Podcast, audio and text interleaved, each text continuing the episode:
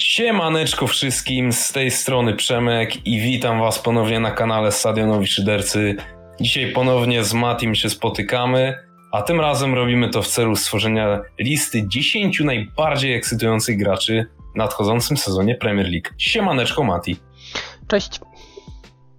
Jako, że sezon Premier League jest oddalony na ten moment o 10 dni, to stwierdziliśmy, że jest to idealny moment na wystosowanie naszej listy 10 najbardziej ekscytujących graczy w nadchodzącym sezonie, ponieważ mamy wiele transferów, wiele młodych gwiazd. Jeśli chcecie być na bieżąco z ma naszymi materiałami, to oczywiście zachęcam Was do pozostawienia subskrypcji na tym kanale oraz lajka pod tym filmem, jeśli podoba Wam się to wideo. Myślę, że możemy powoli przechodzić do naszej listy, ale najpierw Jesteś może zapalonym graczem fantazy? Jeśli tak, to serdecznie zapraszamy Cię do naszej ligi FPL-owej. Dla jej zwycięzcy przewidujemy nagrodę w postaci dowolnie wybranej przez Ciebie książki o tematyce piłkarskiej. Link w celu dołączenia znajdziecie w opisie do filmu. Dobrze, to teraz czas na naszą listę 10 najbardziej ekscytujących graczy w nadchodzącym sezonie Premier League. Numer 10. James Madison. No, jakby to powiedzieć, zaczynamy od takiego chyba najbardziej ogranego gracza ze wszystkich na tej liście, czyli Jamesa Madisona, który jest nowym nabytkiem Tottenhamu Hotspur. Wiemy, Mati, że jesteś dużym fanem tego piłkarza, również tak jak ja. Co sądzisz o Jamesie Madisonie w Spurs? Dlaczego jest on aż tak ekscytujący, twoim zdaniem? No przede wszystkim to jest jedyna pewna osoba kreatywna, która już jest w tym klubie i jest pewne, że zostanie na następny sezon, bo jest druga, bardzo kreatywna, bardzo też przeznaczona postać, ale czy Harry Kane zostanie w tym klubie, chciałem powiedzieć z White Hart Lane, ale to już nieaktualne dawno. No, bardzo. E, ale jednak, że tak powiem, co w, ser w sercu to dużo powiedziane, ale co przyzwyczajony człowiek, to przyzwyczajony. To w ostatnim sezonie troszeczkę przygasł, trochę go kontuzję, że tak powiem, z, zmiotły z planszy ale poprzednie tam sezony pokazywał bardzo wysoki poziom, grał główną rolę w sezonie, w którym wygrywali Puchar Anglii, w którym e, grali w Lidze Europy z no, Legią. Leicester, jakby ktoś nie e, wiedział. Tak, oczywiście, tak, tak, tak. To, to tam dokładnie ten zespół mam na myśli. Prezentuje bardzo ciekawy poziom, zarówno pod względem jakby efektywności, jak i, i efektowności jednak nóżka tam chodzi, dribbling, kreacja, e, wizja i tak dalej, wszystko jest na swoim miejscu, więc mam nadzieję, że będzie kontynuował swoją formę z Leicester. Tak trochę się zawahałem z tym, mam nadzieję, bo jednak ja nie wiem, czy chcę to oglądać w wykonaniu Jamesa Madisona dla Tottenhamu, mm, że tak powiem, ale dla dobra ligi, dla dobra chyba piłki nożnej to mogę się poświęcić. Niech ktoś tam gra w tym Tottenhamie chociaż. Generalnie to znając naszą opinię na temat Tottenhamu, to może kogoś dziwić, że w ogóle gracz Spurs znalazł, znalazł się na tej liście, ale no, jesteśmy jednak dużymi fanami Jamesa Madisona. Po części jednak się spodziewamy, że Harego Kane'a może nie być w nadchodzącym sezonie Premier League w Tottenhamie. I pewnie dlatego ten Madison jest dopiero na dziesiątym miejscu, bo kto wie, czy nie znalazłby się wyżej tak czy siak, no, będzie to jednak James Madison w większym klubie i no, jesteśmy ciekawi, czy będzie w stanie dołożyć coś do swoich już wspaniałych umiejętności oraz regularnych liczb. Mm, James Madison pokazał w tamtym sezonie, gdzie Leicester tak naprawdę bez niego nie grało, że on potrafi sam ściągnąć drużynę, co pewnie jeśli chodzi już jak pola Tottenhamu będzie też wymagane przy braku odpowiednich transferów, na których, że tak powiem, pewności nie ma co do tego, czy będzie miał nowych partnerów do gry w zespole. Numer 9. Jacob Ramsey. Następny na naszej liście jest Jacob Ramsey, młody pomocnik Aston Villa, który skończył 22 lata. Ciekawi nas przede wszystkim, czy Jacob Ramsey obierze jakąś stałą pozycję w 11 Aston Villa, bo o ile poprzednie dwa sezony były bardzo zachęcające w wykonaniu młodego Anglika, zwłaszcza pod kątem ofensywnym i jego takich wejść z środka pola przy akcjach ofensywnych, czasami nawet dość często z kontry, no to Aston Villa dość mocno się wzmocniła latem. Musa Diaby, Pau Torres, Yuri Tillemans jako konkurent do środka pola. I ciekawi nas, czy to będzie sezon, gdzie po pierwsze Jacob Ramsey wejdzie na wyższy poziom, dołoży więcej liczb, Po drugie, czy zajmie jakąś stałą pozycję w tej 11, bo to jest chyba taki kluczowy element tego wszystkiego. Wiesz co, nie dałbym się pokroić za to, że go wrzuci na stałe do 11 na Emery, bo on tam ma różne pomysły ciekawe, że tak powiem, pod względem formacji i pod względem rzucania młodych graczy po, y, na różnych pozycjach. Na pewno jest to najciekawszy gracz młodego pokolenia w Aston Villa, jeden z najciekawszych w Anglii. Nie, nie ukrywajmy, te ekscytują, ten określenie ekscytujące to też mówi nam o, o naszej ekscytacji pod względem jego stylu gry i tego, jak on wygląda na boisku, a nie tylko jeśli chodzi o efektywność, powiedzmy, czy przydatność dla zespołu. Tego takie efekciarstwo też trochę jest i on to ma i to jest na pewno jeden z takich graczy, na którego się bardzo przyjemnie patrzy, jak ma piłkę przy nodze. Yy, teraz pójdzie ten największy banał, jaki jest, piłka mu nie przeszkadza, tak? Więc on ma to odejście, ma ten strzał, on ma w sumie wszystko, co, co, mm, co jest potrzebne, żeby stać się gwiazdą ligi. Pytanie, czy, czy głowa dojedzie, czy, czy Unai w tej swojej układance będzie miał na niego specjalny pomysł i czy, czy będzie jego centralną częścią. A biorąc pod uwagę, że otoczenie się wzmacnia, no to jednak potencjał dla zespołu będzie coraz większy i, i mam wrażenie, że będzie nam się przyjemnie oglądało poczynanie młodego Anglika. Tak, tak. Ja mam wrażenie, że będzie nam się przyjemnie oglądało i oprócz, oprócz tego stylu, o którym mówisz, no to wydaje mi się, że Jacob Ramsey jest też bardziej zrównoważonym pomocnikiem niż niektórzy o nim mówią. W sensie, no wiadomo, jakieś niektóre aspekty defensywne mógłby poprawić, ale przede wszystkim no, nie, są, nie są one złe, a przede wszystkim ta gra z piłką przy nodze, czy gra do przodu, no powoduje, że jesteśmy podekscytowani, co ma ten sezon dla Jacoba Ramseya. Dokładnie tak. On ma, on ma, ten właśnie taki, jak to się ładnie mówi, etos pracy, prawda? Że to jest pomocnik, który nie ociąga się z cofaniem pod własną bramkę, kiedy jest potrzeba, yy, a nie jest stricte defensywnym pomocnikiem, więc jakby on ma to we krwi, czy tam już na, na, w tym wieku doskonale sobie zdaje sprawę, jak trzeba grać i yy, zwłaszcza w defensywie, więc jakby potencjał jest całkiem spory. Numer 8 Levi Colwill. Moim zdaniem najlepszym transferem Chelsea w tym oknie, długim, długim, szerokim, pełnym dealów, jest to, że Levi Colwill podpisał e, sześcioletni kontrakt. Bo moim zdaniem jest to chyba najlepsze, co Chelsea mogło zrobić. E, ja jestem głównie tutaj chyba fanem tego piłkarza. Tak wydaje mi się. Mati też jest fanem, ale ja bardziej no, gość, który czuje swobodę z piłką przy nodze, gość, który bardzo dobrze się ustawia, gość, który powinien być tym głównym obrońcą Chelsea o potencjale klasy światowej przez no, nadchodzące minimum 10 lat, jeśli uda mu się zostać w klubie na dłużej, a już podpisał ten sześcioletni kontrakt, więc tak powinno być. Raczej temat odejścia do Brighton ucichł. Więc jedyne co zostaje, no to wywalczyć miejsce w podstawowej 11. Czy to się uda? Są duże szanse, patrząc na to, że kontuzjowany jest Fofana, patrząc na to, że Thiago Silva nie robi się młodszy. E, ciekawi mnie tylko, jak będzie wyglądała ta tranzycja do czwórki z tyłu, ale jestem spokojny, że Colby sobie poradzi, bo potencjał jest tutaj niesamowity. Tak, i, wy, i wyprowadzenie piłki, i wszystkie aspekty defensywne są na wysokim poziomie u, u tego piłkarza, więc wydaje się, zwłaszcza po tym wejściu, jakie miał w Brighton do ligi, to chyba najciekawszy obrońca do oglądania w tym sezonie, no bo w lidze myślę najbardziej, naj, najciekawszy taki, znaczy, najlepszy z młodego pokolenia. Mnie jeszcze ciekawi Jakub Kiwior, ale tutaj powiedzmy sobie szczerze, raczej w pierwszej jedenastki tak szybko nie wywalczy w Arsenalu. Chociaż kto wie, biorąc pod uwagę jak się prezentuje Gabriel i moją opinię na jego temat, to w sumie czy bardzo mnie mocno zdziwiło, gdyby na Kiwiora Arteta zaczął stawiać? Tak, ale, ale nie jest to wykluczone, biorąc pod uwagę jak się prezentuje Brazylijczyk. Jeśli chodzi o obronę Chelsea, no to biorąc pod uwagę mm, co oni, delikatnie mówiąc, robili czasami, to faktycznie postawienie na jednego młodego obrońcę w duecie zakładam, że z tego Silva, no bo jednak tego Silva może i ma te swoje 37-38 lat, nie pamiętam, który on jest rocznik, to... 30 chyba 7. No to nie, wiadomo, z całego sezonu nie pogra, a Colby ze swoimi żelaznymi płucami może i, i chyba na tym będzie opierał swoją obronę Pochettino, bo też nie słyszałem o żadnych potencjalnych transferach do, do obrony.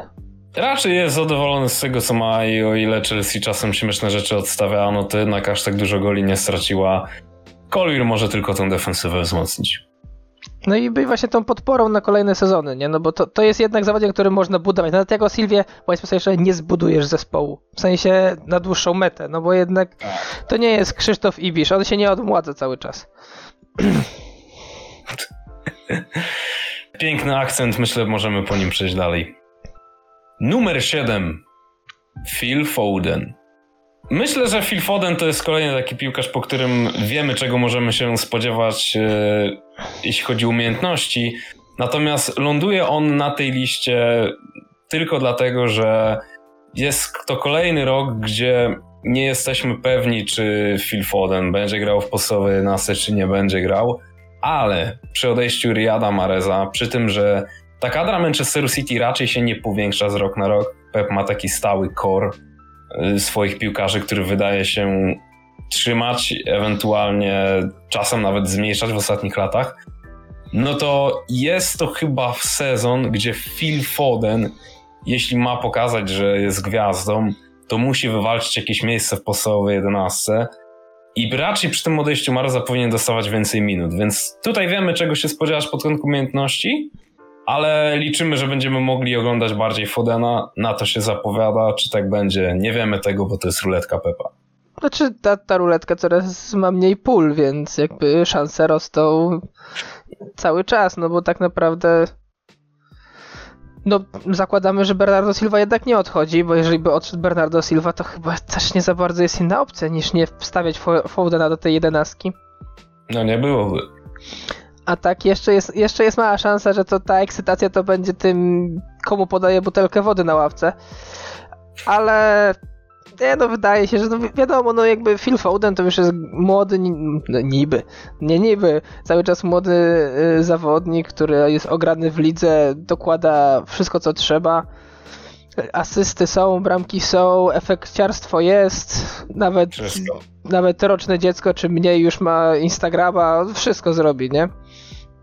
Dokładnie, dokładnie.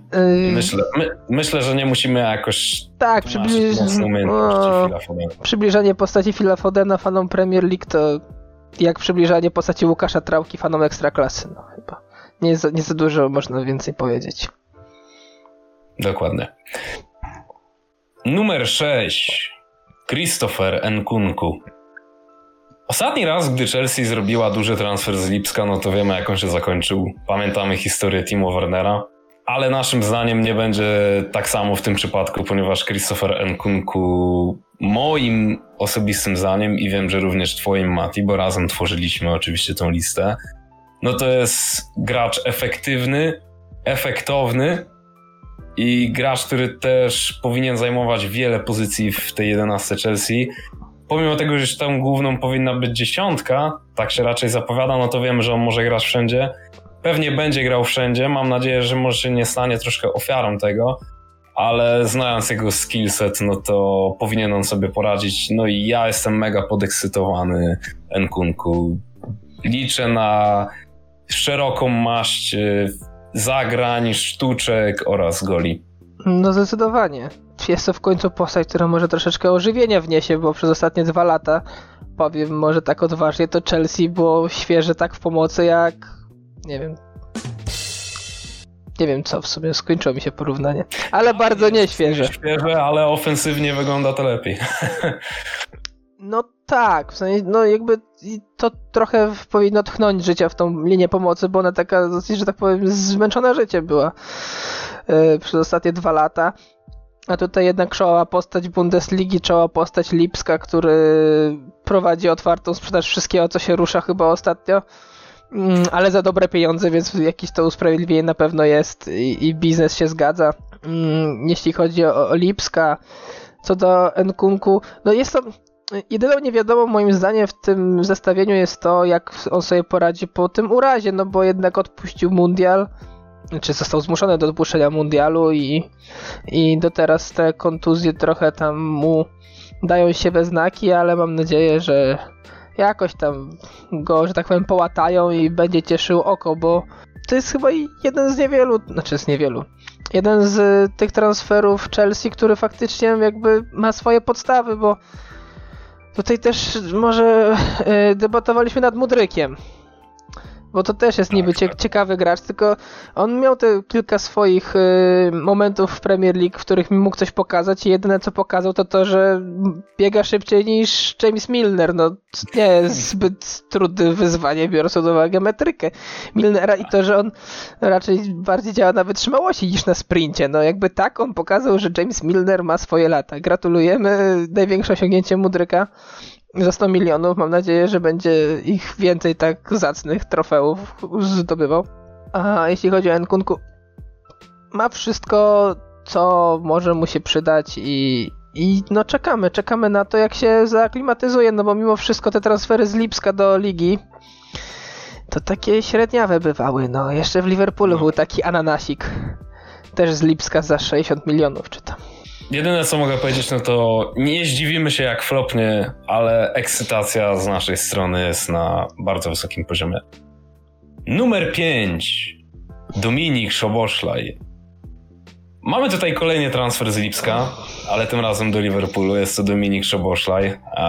Jeśli widzieliście nasze poprzednie wideo z tier listy y, Don Dilly w Premier League, no to wiecie, że się lekko starliśmy co do tego, co, co wniesie Dominik Szoboszlaj do Liverpoolu oraz jak oceniamy ten transfer. Natomiast ja nie mogę się zgodzić, że jego styl jest y, ekscytujący, zwłaszcza jego uderzenia z dystansu, ale jako, że Dominik Szoboszla jest piłkarzem Liverpoolu i wiadomo, kto tu jest kibicem Liverpoolu, no to myślę, że Mati oddam tobie głos, byś przekonał naszych widzów. Tak, yy, znaczy przede wszystkim Soboslaj to też jest w tym momencie taki trochę symbol przebudowy środka pola Liverpoolu.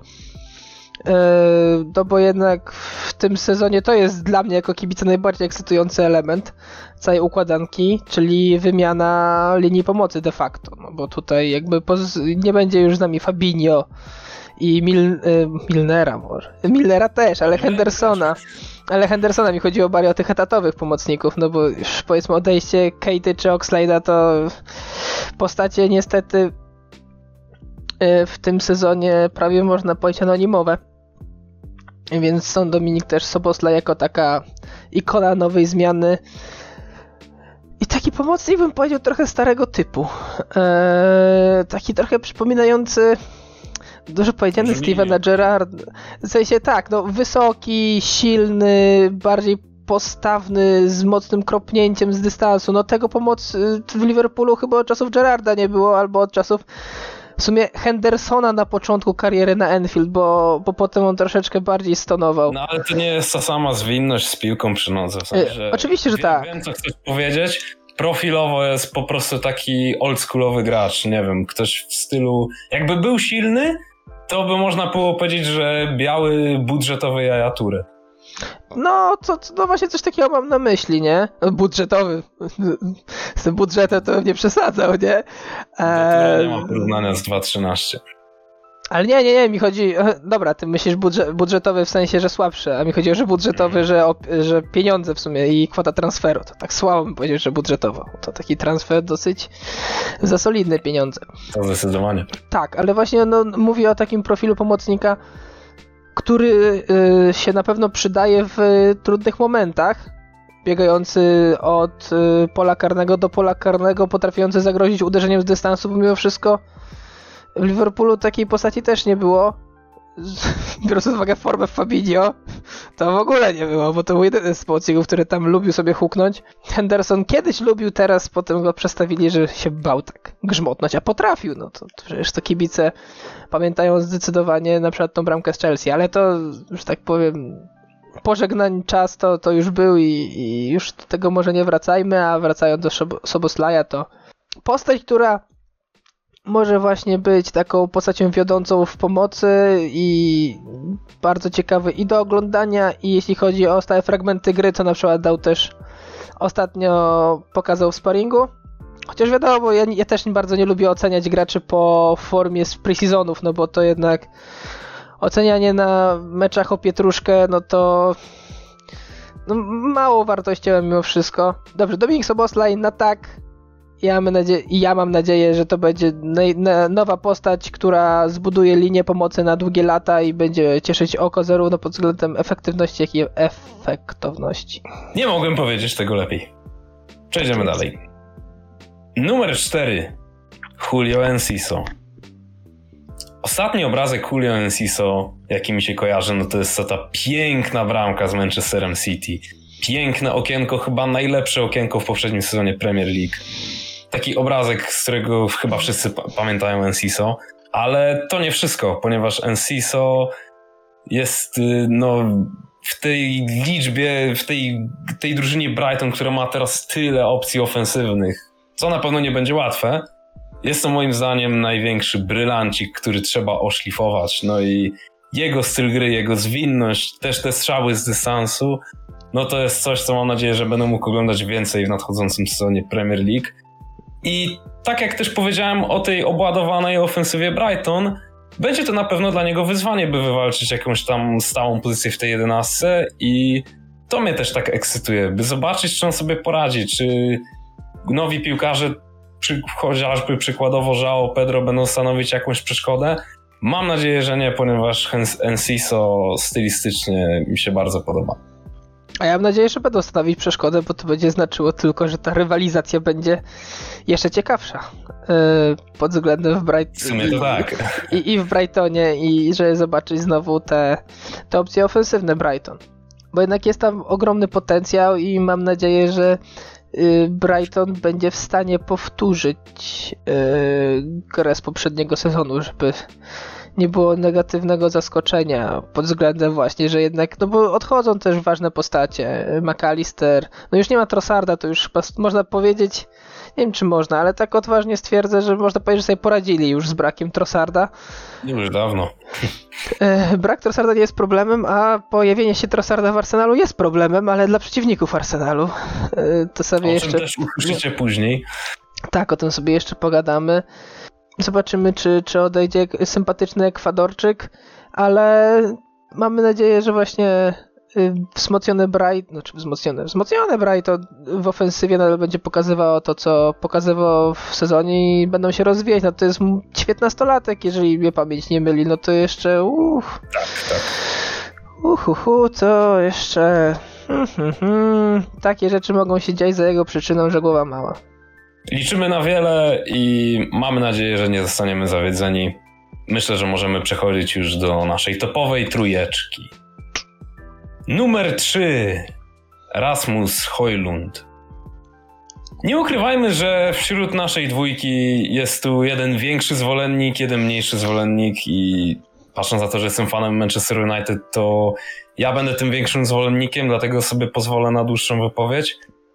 Samo to, że Manchester United kupił dziewiątkę, która nie ma powyżej 30 lat i ma raczej tutaj być napastnikiem na lata, powinien już go wyróżnić za samo pojawienie się na liście. A patrząc na profil, jaki reprezentuje Rasmus Hojlund, no to wydaje mi się, że jest on idealnie wpasowany swoją, swoim movementem jak na ten wiek, swoją siłą oraz swoją e, szybkością pod Premier League i jestem podekscytowany tym, co on pokaże, bo o ile no wiadomo, do szlifowanego diamentu tutaj bardzo, bardzo, bardzo daleko, same liczby w poprzednim sezonie też nie były jakieś spektakularne jak na napastnika, no to no wydaje mi się, iż jest to gościu chyba z największym potencjałem, jednym z na pewno wśród osób na tej liście wymienionych z tym potencjałem. Tutaj ja bym powiedział, że tu wszyscy bazują na potencjale tak naprawdę, no bo też między innymi o to chodziło. My tutaj mamy graczy, nie wiem, chyba najstarszy będzie Matison tak naprawdę na tej liście, czy... czy... No. Czy Trossard, o którym potem będziemy mówić, teraz nie powiem. Trossard jest najstarszy, ale wiemy więcej o Madisonie w lidze, nie?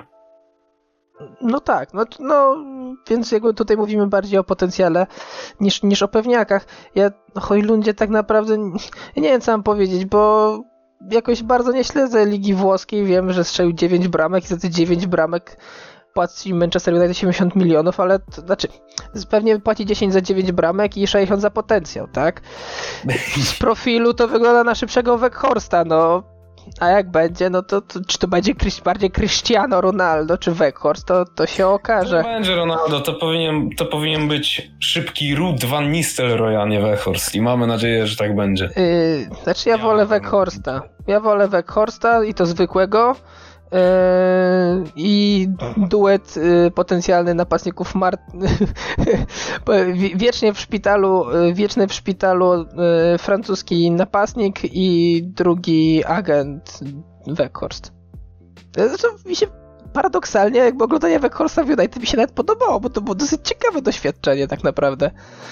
Takie gramy, gra, bierzemy dziewiątkę, która jest tylko na web, która gra na dziesiątce Dosyć ciekawe było podejście taktyczne, że tak powiem. Ale to jak są te kompilacje memów, nie? Jak oni się tam znaleźli, to tam Weghorsta można spokojnie wrzucić. Ech, nie przypominam mi o tym. Numer dwa. Leandro Trossard. Możecie się zdziwić, że Leandro Trossard, którego już znamy w lidze, który nie jest aż tak młody jak chociażby Hoylund, Enciso czy Levi Colby, znalazł się tak wysoko na tej liście. Naszym zdaniem on bardzo ekscytującym graczem już od wielu lat, a tutaj kluczowym elementem jest to, czy Leandro Trossard, który jest nowym, stosunkowo nowym nabytkiem Arsenalu, ponieważ był to transfer zimowy, czy stanie on się wiodącą postacią też dość obładowanej ofensywy Mikala Artety, ponieważ chyba jest to jedyny piłkarz w tej ofensywie, który może grać wszędzie i moim zdaniem technicznie jest on najlepszym ofensywnym graczem Arsenalu, a nie Saka bądź Odegaard. Teraz to mi daje zagwozdkę. Znaczy bardziej myślałem o Sace, szczerze mówiąc, bo taka technik, ta technika użytkowa Saki też jest na bardzo wysokim poziomie. Ale ja wolę oglądać. E, e, Boże, chciałem powiedzieć, o, przez przypadek. A, sympatycznego Belga. No jakby ja mam dużo pokory po tym, jak udało hat Liverpoolowi. I nie tylko, no wiadomo, wcześniej to wiodąca postać Brighton i jakby chyba nie trzeba nikogo przekonywać do umiejętności Trossarda. Pytanie, czy będzie zdobywał bramki, bo jakby on ma bardzo ładną tendencję w tym momencie, jak on przychodzi od tego tam stycznia, tak, czy, yy, czy lutego, nie no, styczeń jest chyba, kończy się okienko, no to musiałby w styczniu przyjść. Mm, teraz, że tak powiem, dewagacje, w którym dniu, to już yy, wiadomo o co chodzi, tak, przyszedł Orlando Trossard, zdobyło bardzo dużo asyst, z bramkami bywało trochę gorzej, no ale jak on dostarcza patelnię, no to ktoś inny musi stopę dostawić, no nie ma, nie ma cudów. Yy, więc mam nadzieję, że będzie go jeszcze więcej w tym ataku i no nie jestem wielkim fanem Gabriela Jezusa, no siłą rzeczy, co żeśmy... No, no to, że tak powiem, łączy nas średnia sympatia do panów Brazylijczyków z, z Arsenalu. W sumie to jeszcze jest tam Gabriel, to w sumie do każdego tam Brazylijczyka, tam ananaski są niezłe. Więc no, wydaje się, że Leandro Trossard to, to, to, to, to, już wiadomo, że to jest strzał w dziesiątkę, ale on może pokazać jeszcze więcej i to może być postać, która w momencie, w którym no, ostat... w tamtym sezonie trochę osłabł z sił Martinelli w pewnym momencie, tak? I to jest tak. jedna z tych opcji, czy, czy kontuzja w zasadzie Gabriela, która zmusiła, zmusiła już tutaj po szukaniu opcji z Enketią, e, a potem z Nelsonem, więc jakby tutaj kołderka i kocyczek troszeczkę krótki była, Trossard ci to gwarantuje.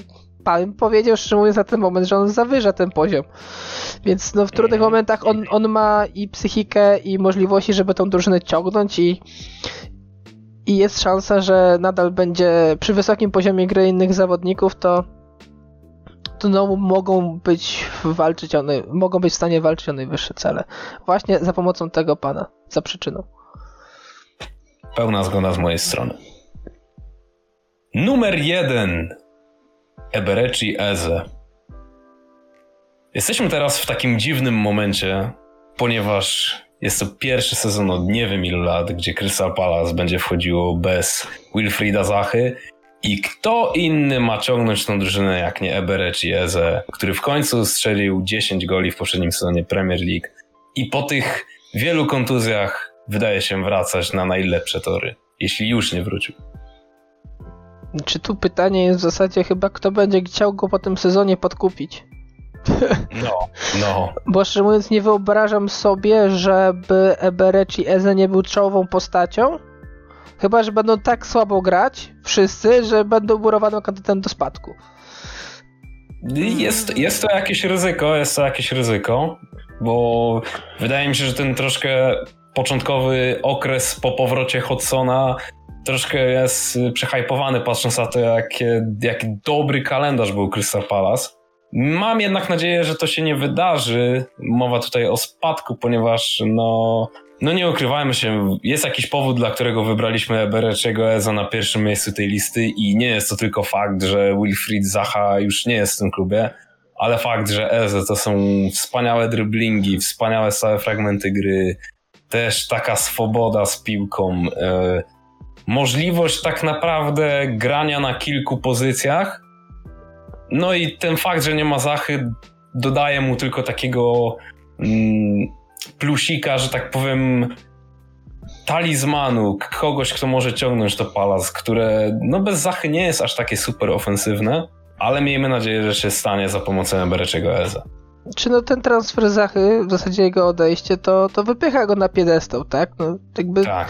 No, on pewnie z Michaelem Olise, tak, to są dwie takie największe gwiazdy w tym momencie Crystal Palace, jeśli chodzi o ofensywę. I na pewno oni będą musieli też tą drużynę ciągnąć za, za, za kark, żeby bronić się przed spadkiem, no bo raczej tutaj celujemy w środek y, tabeli. Przynajmniej tak mi się wydaje. No, że tak powiem, szyjmy z tego, co mamy. Jakby to nie jest kadra na spadek, ale no o walkę o coś więcej to tym bardziej. Wydaje mi się, że to będzie sezon, w którym mm, że tak powiem, Ebereci i Michael Olise, no bo można też ich troszeczkę tutaj porównywać, to, to będzie okno na świat ten sezon w Crystal Palace i, i bardziej też możliwość walki o transfer do jakiegoś lepszego klubu. A jeżeli już dokładasz dwucyfrówkę yy, jako no nie wiem, skrzydłowy pomocnik, napastnik, bo taka no, pozycja była, nie? Ósemkę w sumie można powiedzieć w tym poprzednim sezonie. On tam, wiesz, takie, to, to, była pozycja jak ten, jak Zieliński, nie? 8,5 z lewej strony, trochę z przodu, trochę z tyłu i, mhm. i tak dalej i dokładasz 10, tam właśnie dwucyfrową liczbę bramek i i ciężko się nie ekscytować takim graczem, bo on będzie miał trochę swobody, no przynajmniej nigdy nie będzie zakuwał w ramy jakoś mocno taktyki, no bo to jest jedyna szansa w sumie na taką wolność i trochę nieprzewidywal nieprzewidywalności, razem z Michaelem Molisa oczywiście, więc mamy nadzieję, że że będzie miał właśnie, będzie uwolniony ze smyczy i będzie mógł pokazać to, co najlepsze, a, a ma on co pokazywać. Zdecydowanie. Z naszej strony to będzie wszystko. Dajcie znać w komentarzach, czy zgadzacie się z naszą listą, czy w ogóle ona wam się podobała. Co sądzicie o Eberecim Eze na pierwszym miejscu? Ja ci dziękuję Mateusz za serdecznie za współudział w tworzeniu tej naszej tutaj listy 10 najbardziej ekscytujących graczy.